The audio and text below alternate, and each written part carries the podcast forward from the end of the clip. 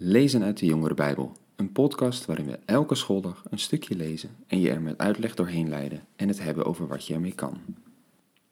Dag leuke podcastluisteraars. Goed dat je luistert naar een nieuwe aflevering, de tweede van deze week, waarin we kijken naar het verhaal van Jacob in Genesis. En we kijken wat daar een beetje speelt.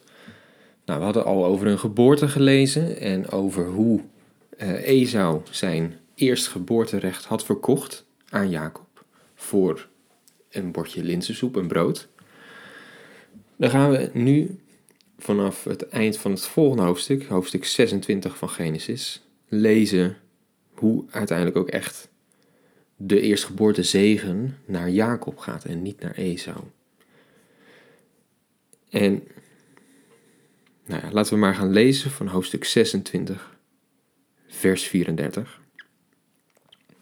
Daar lezen we: Toen Esau 40 jaar was, trouwde hij met Jehudit, die een dochter was van de Hethiet Beeri, en met Basemat, een dochter van de Hethiet Elon.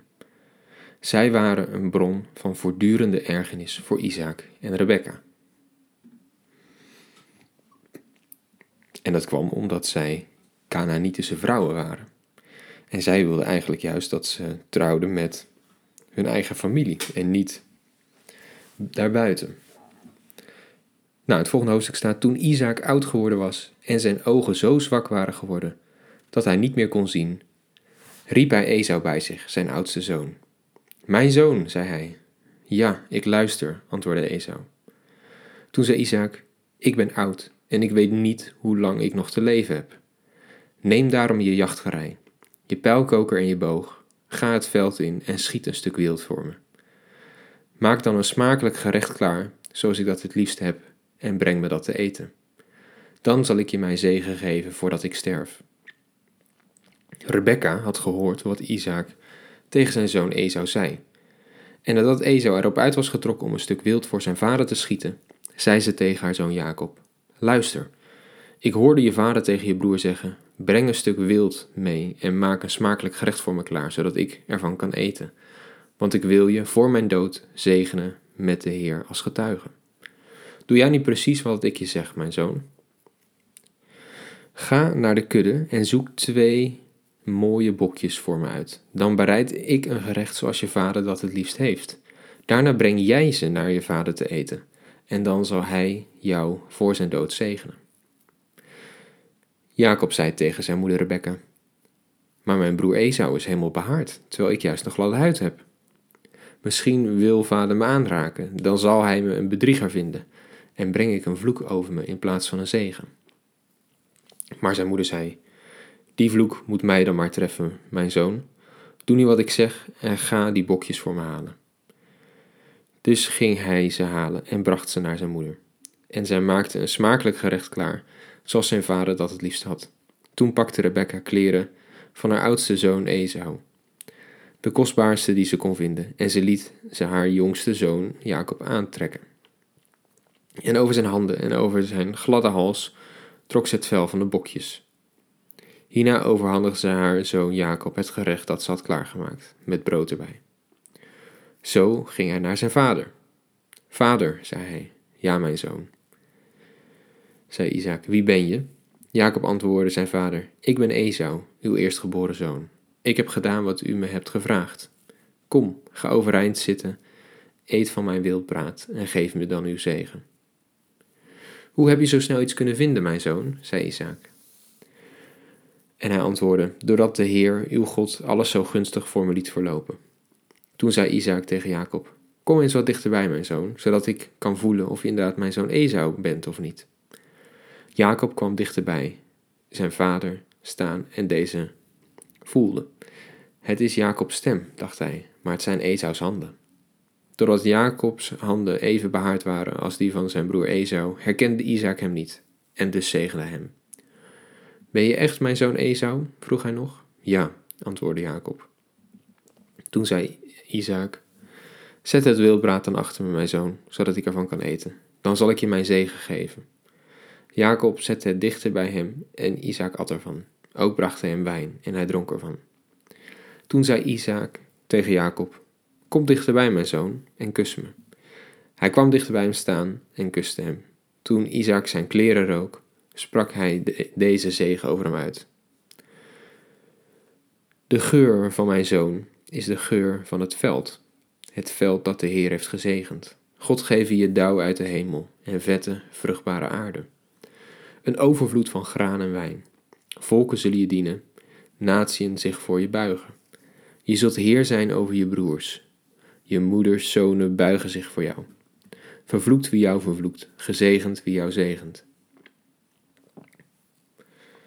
Toen Isaac Jacob gezegend had en Jacob nog maar net bij zijn vader was weggegaan, kwam zijn broer Esau thuis van de jacht. Ook hij maakte een smakelijk gerecht klaar, bracht het zijn vader en zei tegen hem: Kom, vader, ga overeind zitten. Eet van het wildbraad van uw zoon en geef me dan uw zegen. Wie ben jij? vroeg zijn vader Isaac hem. Ik ben het, Esau, uw zoon, uw eerstgeborene. Toen schrok Isaac hevig en zei: Maar wie was het dan die mij net een stuk wild heeft gebracht dat hij geschoten had? Ik heb ervan gegeten voordat jij kwam, en ik heb hem gezegend. En die zegen zal op hem blijven rusten. Toen Esau dat van zijn vader hoorde, slaakte hij een wilde, wanhopige kreet, en hij smeekte zijn vader: Zegen mij, zegen ook mij, vader. Maar Isaac antwoordde: Je broer is me komen bedriegen en heeft jou je zegen ontnomen. Toen zei Esau: Niet voor niets heet hij Jacob. Hij heeft me nu al twee keer beetgenomen. Eerst heeft hij mij mijn eerstgeboorterecht afgenomen en nu ook nog mijn zegen. Nou, je ziet dat hier weer wordt gespeeld en met die naam. Jacob, dat heeft niet alleen met hiel te maken. Uh, het lijkt ook nog een beetje qua klank op een woord dat beetnemen uh, is. Ja, dus dat is waarom Esau dit zegt. Daarna vroeg Esau: Hebt u dan geen zegen meer over voor mij? Isaac antwoordde hem: Ik heb hem heer en meester over je gemaakt, hem al zijn broeders als dienaar gegeven, en hem voorzien van graan en wijn. Wat zou ik nog voor jou kunnen doen, mijn zoon? Hebt u dan maar één zegen, vader? vroeg Esau hem. Zegen mij, zegen ook mij, vader. En hij barst in tranen uit. Zijn vader Isaac antwoordde hierop: Ver van de vette grond zul je wonen, ver van de hemelse dauw. Je zult leven van je zwaard en dienstbaar zijn aan je broeder. Maar heb je je eenmaal losgerukt, dan werp je zijn juk van je nek. Van toen af haatte Esau zijn broer, omdat zijn vader hem had gezegend, en hij zei bij zichzelf: Het duurt niet lang meer of de dagen van rouw over mijn vader breken aan, en dan vermoord ik Jacob. Toen Rebekka vernam wat haar oudste zoon van Esau van plan was, liet ze haar jongste zoon Jacob bij zich komen. Luister, zei ze. Je broer Esau zint op wraak, hij wil je vermoorden. Doe daarom wat ik zeg, mijn zoon. Vlucht onmiddellijk naar mijn broer Laban in Garan. Blijf voorlopig bij hem, totdat de woede van je broer bedaard is. Ik zal je laten terughalen als zijn woede bekoeld is en hij vergeten is wat je hem hebt aangedaan. Waarom zou ik me op dezelfde dag van jullie beiden laten beroven? Daarna zei Rebecca tegen Isaac: Ik kan die Hethitische vrouw niet meer luchten of zien. Stel je voor dat Jacob ook trouwt met zo'n Hethitische, zo'n meisje van hier. Wat heeft het leven mij dan nog te bieden? Nou ja, in het volgende hoofdstuk zal Jacob inderdaad naar Laban gaan, zijn oom. En daar zal hij zijn eigen vrouwen ontmoeten. Maar dat lezen we morgen nog. Wat hier in ieder geval interessant aan is, aan dit stuk, is dat dat vroeger een bekend gebruik was. dat de vader zijn zoon zou zegenen. En als je dat leest, dat klinkt bijna een beetje alsof hij een soort profetie doet. Zoals profeten dat later deden. Hè? Want hij zegt, nou dit en dit zal er met je gebeuren en dat zal goed met je gaan. Nou is het niet precies hetzelfde als een profetie. Maar hè, met zo'n zegen, en zeker aan de eerstgeborene, gaf eigenlijk een vader alles wat hij had over aan zijn eerstgeboren zoon. En vanaf dat moment zou hij de familie gaan leiden. En dat is ook wat je een beetje terugleest hè, in die zegen. Hij zegt, je broers zullen je dienen. En hij geeft eigenlijk aan Jacob de positie van de leider van de familie. En hij zegt ook wel meer dingen. Hij zegt natuurlijk, het zal goed met je gaan. Eh, je bent bij de vette grond en eh, je zult eh, Ehm, van je vijanden ook niets te duchten hebben. Dat klinkt een beetje profetisch en nou ja, eigenlijk is zegenen, is dat goed spreken over iemand. Iemand het beste toewensen. Nou was het wel iets meer dan dat, hè, want uh, er werd wel waarde aan gehecht in die tijd als je zo'n zegen uitsprak. Nou ja, dan dachten mensen wel dat dat iets betekende en dat het dus ook wel goed met je zou gaan. Het was niet hetzelfde als een profetie. Dus het is misschien een beetje iets ertussenin.